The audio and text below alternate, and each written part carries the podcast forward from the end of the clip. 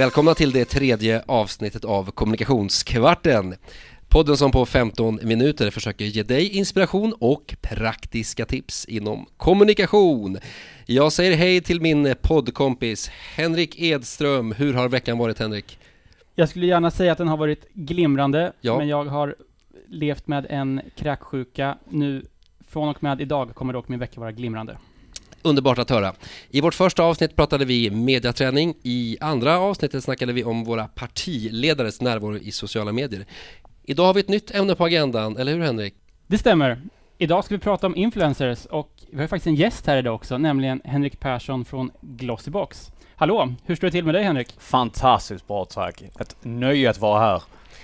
Eh, Henrik, roligt att du är här och vi kan börja med att fråga dig, ditt eh, företag Glossybox, vad gör Glossybox? Eh, Glossbox eh, eh, lanserades i Sverige eh, i december 2011, det vill säga firar fem år eh, Mm. den här månaden. I korthet så är Glossbox en prenumerationstjänst där man får fem utvalda skönhetsprodukter en gång i månaden. Och din roll på bolaget, vad är den? Eh, jag var med och grundade bolaget Mm. eh, för fem år sedan och jag är VD eh, för Glossbox i Norden. Du Henrik, temat i avsnittet idag är hur man bygger varumärke genom Jajamän. influencers och jag är en ganska enkel och rationell person så jag måste börja med att be dig ringa in begreppet influencer, vad det är för någonting. Ja. Och jag har en väldigt, vad jag tycker i alla fall, eh, enkel förklaring på det också. Ja. En influencer är någon eh, som har kvalitativt engagerade följare i en eller flera mediekanaler. Och då pratar vi sociala mediekanaler som en blogg eller Facebook eller något. Primärt om man tittar på eh, 2016, eh, Mm. då är mitt svar absolut. Men det är ingenting som utesluter att det även till exempelvis skulle kunna vara linjär-tv eller radio etc. Men vanligtvis så är det ju eh, online, Mm. absolut. Och du menar en person som når ut brett och till många? Eh, Eh, man, om man tittar på influencers eh, så finns det ju influencers som har en väldigt hög räckvidd. Och det finns influencers som har en mycket mindre räckvidd. Eh, viktigt här är att kvantitet, det vill säga storlek på räckvidden, Mm. eh, är inte den enskilt viktigaste komponenten utan det är att man har kvalitativt innehåll och specifikt kvalitativt engagemang. mm. Den mest kraftfulla influencern är den som kombinerar räckvidden med eh, ett högt engagemang också och till och med ett kvalitativt engagemang. Tror du att, eh, att alla företag oavsett vad de säljer och vilken målgrupp de har kan arbeta med influencers? Fullständigt, det Mm. tror jag definitivt. Eh, till att börja med så finns det influencers för alla målgrupper och det finns även medier eh, för alla målgrupper. Mm. Eh, Ett konkret exempel. eh, Ett bolag vill nå målgruppen 50 plus. Mm. Det som skulle kunna tala emot att inte det funkar med influencer marketing, det är att ehm, i medierna som, influens, som influencern eh, är hemmahörande eh, så är det en låg procent som är 50 plus. Mm. Vad man då skulle kunna göra är att använda den här personen istället på linjär-tv. Du Mm. går från online till offline. Så det finns ingenting som säger att eh, nödvändigtvis så man bara utnyttja de sociala mediekanalerna. Man kan fortfarande använda den här personen, men i kanaler där den målgruppen som man faktiskt vill nå Så- finns. Ingvar Oldsberg kan vara en influencer exempelvis. Jag skulle säga till Ingvar, ehm, eh, även om jag aldrig tänkt på honom i termer som influencer tidigare, men han har ju ett eh, mycket eh, väl inarbetat varumärke. Och eh, en i det lite- stor målgrupp, eller hur? Många En som enorm- älskar honom. En enorm stor Ja, målgrupp. ja. En enorm stor målgrupp. Ja, definitivt. Eh, när, jag väl, eh, när jag väl tänker på det så är han en synnerligen stark influencer i de lite högre ålderssegmenten. Ja, ja, det, det finns möjligheter. Kul. Vad, vad är då utmaningarna generellt sett med att jobba med influencers? Vad ska man tänka på? Ehm, min bild eh, efter, det ska sägas återigen, vi har gjort bara ett handfull riktiga samarbeten med Ja. influencers. Som jag nämnde tidigare, eh, mycket av den exponering som vi har fått över de här åren eh, har varit organisk. Personerna i fråga har verkligen gillat produkten. Mm. I de fallen som vi faktiskt har gjort liksom, riktiga samarbeten Mm. där det har funnits liksom, olika komponenter eh, som kostar en peng. Eh, där har jag väldigt eh, positiva erfarenheter av att arbeta med influencers. Jag tycker de är väldigt, väldigt professionella. Mm. Eh, inte minst så har jag jättemycket respekt för influencers för jag har verkligen lärt mig och förstår hur mycket alltså, kontinuerligt arbete som krävs dag ut och dag in för att leverera innehåll eh, Mm. på en väldigt, väldigt hög nivå. Eh, så när det gäller liksom att samarbeta med dem generellt så har jag inget, eh, liksom, inget negativt. Så de är väldigt professionella och, och de vet vad det handlar om. Så det är mer upp till er Alltså, att det här hitta är ju- rätt influencer. Alltså i, i en hel del fall, men det här, det här är, och jag respekterar det till 100%, det här är, det här är deras jobb. Ja. Och det, det är någonting som man kommer att se, är jag helt säker på, i en allt högre utsträckning framöver också. Influence marketing är här för att stanna. Mm. Men det här är personer som är extremt professionella. Mm. Hur, om jag bara, hur, hur mäter ni framgången i ett samarbete? Ehm, vi brukar säga det från tre, eh, tre olika sätt som tillsammans eh, ger oss en bild eh, hur pass eh, framgångsrikt samarbetet har varit. Till att börja med så kollar vi på det kvantitativt. Vad har samarbetet eh, gett för räckvidd? Eh, för det andra kollar vi på det kvalitativt och det är den faktiska responsen till samarbetet. Brand equity, enkelt uttryckt. Och för det tredje så är det monetär eh, return on investment. Mm. Eh, hur mycket försäljning kan vi faktiskt hänföra eh, till samarbetet med den här influencern? Mm. Du nämnde ersättningsmodeller i, i, tidigare under vårt samtal. Hur, varför väljer influencers att jobba mer? Att man, det känns som att man vill förknippas med er som influencer. Stämmer det? Eh, jag ser det eh, väldigt ödmjukt, men det är definitivt min uppfattning eh, att så är fallet. Ehm, många influencers ser ett starkt associationsvärde eh, i att göra samarbeten med Glossybox. Vi har ett väldigt starkt varumärke och jag skulle säga att vi har haft det under ganska lång tid också. Så när vi gör samarbeten med influencers och jag kan nästan räkna alla de samarbeten som vi har gjort, riktiga samarbeten, på en hand, eh, då, är det, då är det som en del eh, av ett integrerat samarbete som ytterst går ut på att de frontar den månadens box. Och utöver att de frontar boxen eh, så blir de även, de influerar designen på boxen, de influerar även till delar innehållet i boxen. Men associationsvärdet i sig att eh, fronta boxen vet vi eh, är, är väldigt, väldigt högt. Henrik, eh, det känns som influencer marketing är på stark frammarsch i Sverige fortfarande lite grann i sin linda.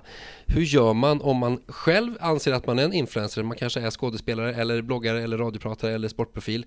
Eh, hur kan man eh, liksom dra nytta av sitt kändisskap och kanske sin räckvidd i sociala kanaler om man kommer från den sidan? Ehm, jag tror verkligen att väldigt många eh, skulle kunna bli influencers, men självfallet finns det personer eh, som har bättre förutsättningar. De har ett starkt varumärke sedan tidigare, Ja. exempelvis att man är en skådespelare. Mm. Eh, vad det möjliggör, eh, det är att man på ett enklare sätt kan bygga upp en stark räckvidd eh, Mm. i sina kanaler. Mm. Det behöver dock inte betyda att man är en stark influencer. Det kan vara att man är en populär person på Mm. Instagram, på Just det. Facebook, på Snapchat. Men för att man ska gå från att vara eh, en kändis till att vara en influencer, då tror jag sättet man interagerar på Mm. med sina följare är väldigt, väldigt viktigt.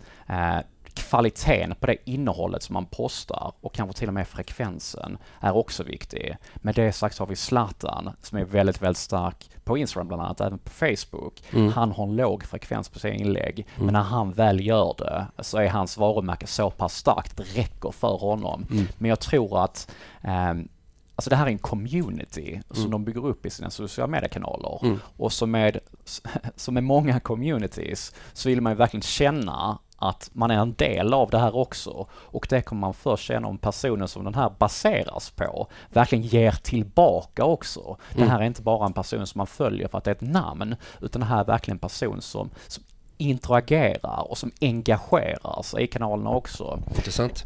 Men finns det en, en infrastruktur där vi har till exempel agenter och förmedlare och managementbolag som förmedlar kontakter mellan bolag och influencers idag?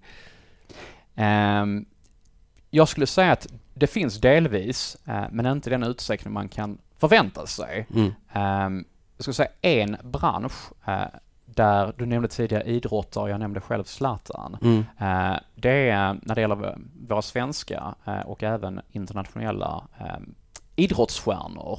Så skulle jag säga där ser jag room of improvement, där de själva skulle kunna bli bättre. Och då menar jag inte bara när det gäller liksom den typen av innehåll som de eh, genererar och gör till sina följare. Men jag tror även att det finns ett utrymme för eh, idrottare att bli bättre på att managera sina sociala mediekanaler Mm. Mm. och kanske ytterst att kunna monetisa sina Mm. sociala mediekanaler. Mm. För de har i grund och botten ett så starkt varumärke. Mm. Men jag tror det finns ännu mer som de kan få ut av det, Mm. rent monetärt sett, eh, om de skulle hantera det på ett bättre sätt. Och jag vet faktiskt, eh, jag läste nyligen, eh, att det finns eh, flera bolag som arbetar på det här och bland annat ett svenskt bolag eh, som jag tror mycket på framöver som heter Fanzone och som just arbetar med idrottsstjärnor Mm. och hjälper dem att använda kraften i sina följarskaror på sociala medier Mm. på ett ännu bättre sätt.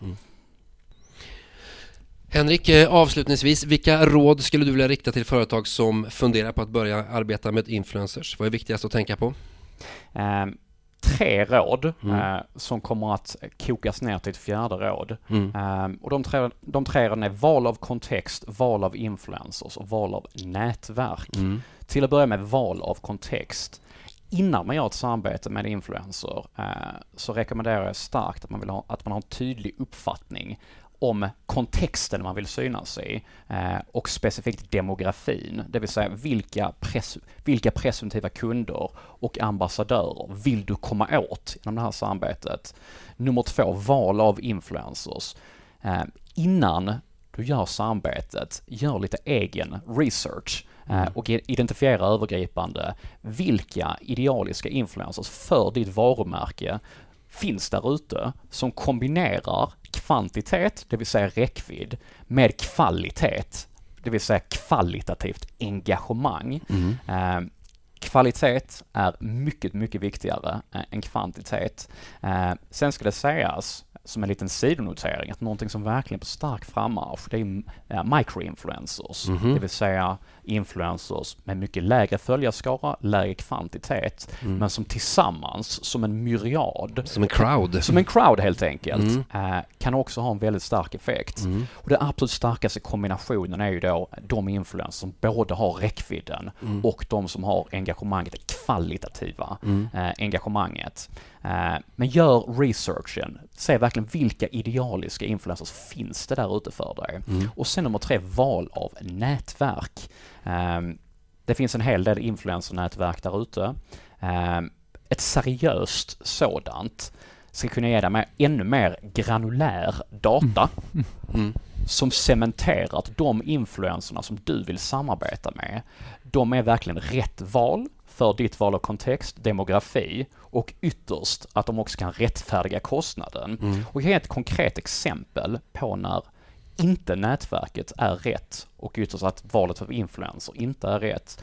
Ponera att du vill nå svenska män eh, i åldern 25 till 40. Mm. Men datan, den granulära datan eh, som det här nätverket kan ge dig, den visar att influencern i fråga, den har bara en väldigt liten del av sina följare på den svenska marknaden och de följarna som de har är i merparten inte inom den adresserbara målgruppen som du vill komma åt. Så de här skulle jag säga, de här tre vid alla samarbeten eh, tycker att man ska, tycker jag verkligen att man ska gå igenom. Mm.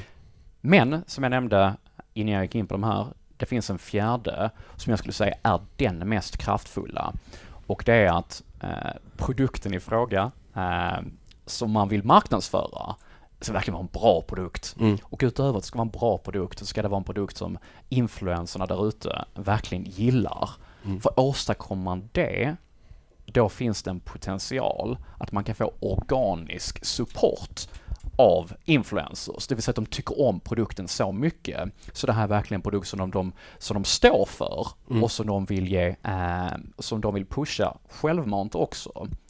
Om man istället, han har precis lanserat en ny produkt och det första man gör, eh, och jag säger inte att det här nödvändigtvis är fel, men det är inte idealiskt. Om det första man gör är och betalar influencers per inlägg som är en vanlig, eh, vanlig eh, struktur i den här branschen. Mm. Då skulle jag säga att det blir tufft därefter och förvänta sig att få organisk support för att eh, influencerbranschen eh, är ett ganska litet ekosystem och Mm. gör man den här typen av samarbete där man betalar för att få två stycken Snapchat-inlägg och det är ingenting som är fel med det men har man en gång gjort det så tror jag det Mm. är svårare att förvänta sig att få den här typen av organisk support därefter.